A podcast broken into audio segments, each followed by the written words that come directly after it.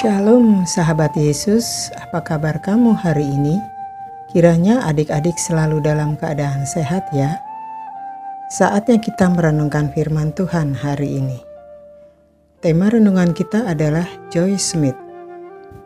Sebelum membaca firman Tuhan, mari kita berdoa.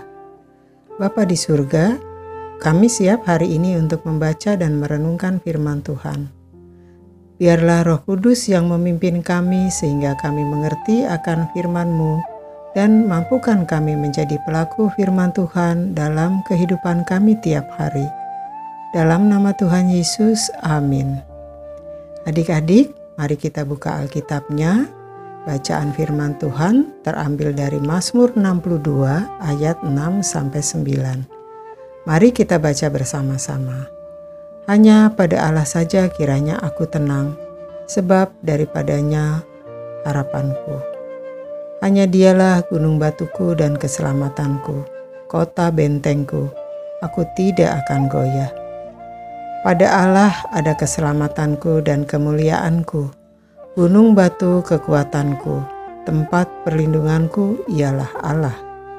Percayalah kepadanya setiap waktu, hai umat, curahkanlah isi hatimu di hadapannya. Sampai di sini pembacaan firman Tuhan, ayat emas kita hari ini, Mazmur 62 ayat 9. Percayalah kepadanya setiap waktu, hai umat, curahkanlah isi hatimu di hadapannya. Adik-adik, Tante mau cerita tentang kisah seorang wanita bernama Joyce Smith.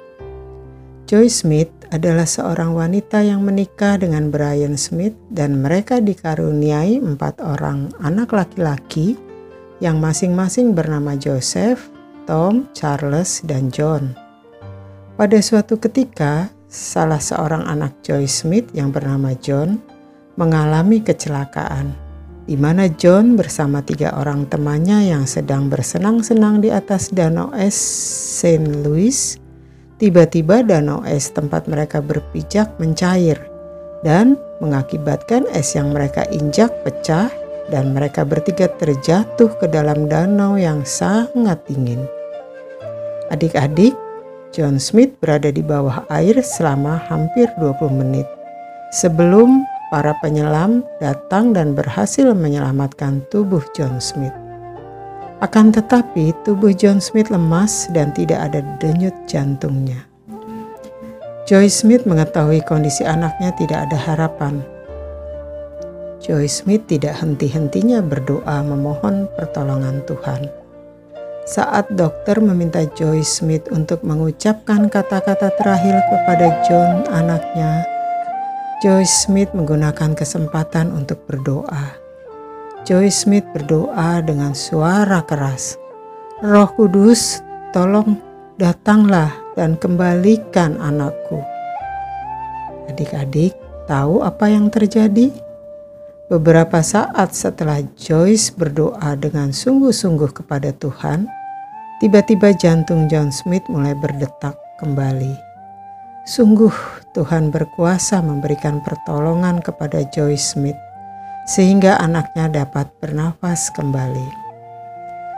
Nah, adik-adik, di mana ada kerinduan untuk dihampiri oleh Tuhan, berdoalah untuk selalu memohon kekuatan dan berserah agar tidak lepas dari kasih Tuhan.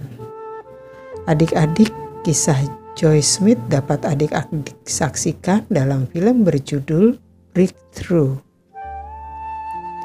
Joy Smith hanya menyerahkan harapannya kepada Tuhan dalam doa. Adik-adik, seperti pemazmur katakan dalam bacaan firman Tuhan hari ini, tetap percaya akan kuasa Tuhan karena Tuhan adalah tempat perlindungannya. Apa pun yang menjadi harapan adik-adik, tetap datanglah pada Tuhan, karena hanya Tuhan yang sanggup menolong kita. Mari adik-adik kita mau katakan, aku mau mengandalkan Tuhan, ia berkuasa menolong aku. Sekali lagi ya, aku mau mengandalkan Tuhan, ia berkuasa menolong aku. Kita akhiri renungan hari ini dengan berdoa. Bapa di surga, terima kasih karena selalu mendengarkan doa dan seruan kami. Ajar kami selalu mengandalkanmu dan hanya berharap kepadamu. Kami mohon Tuhan mau menolong dan menguatkan kami. Dalam nama Tuhan Yesus, amin. Sampai bertemu renungan besok adik-adik. Tuhan Yesus memberkati.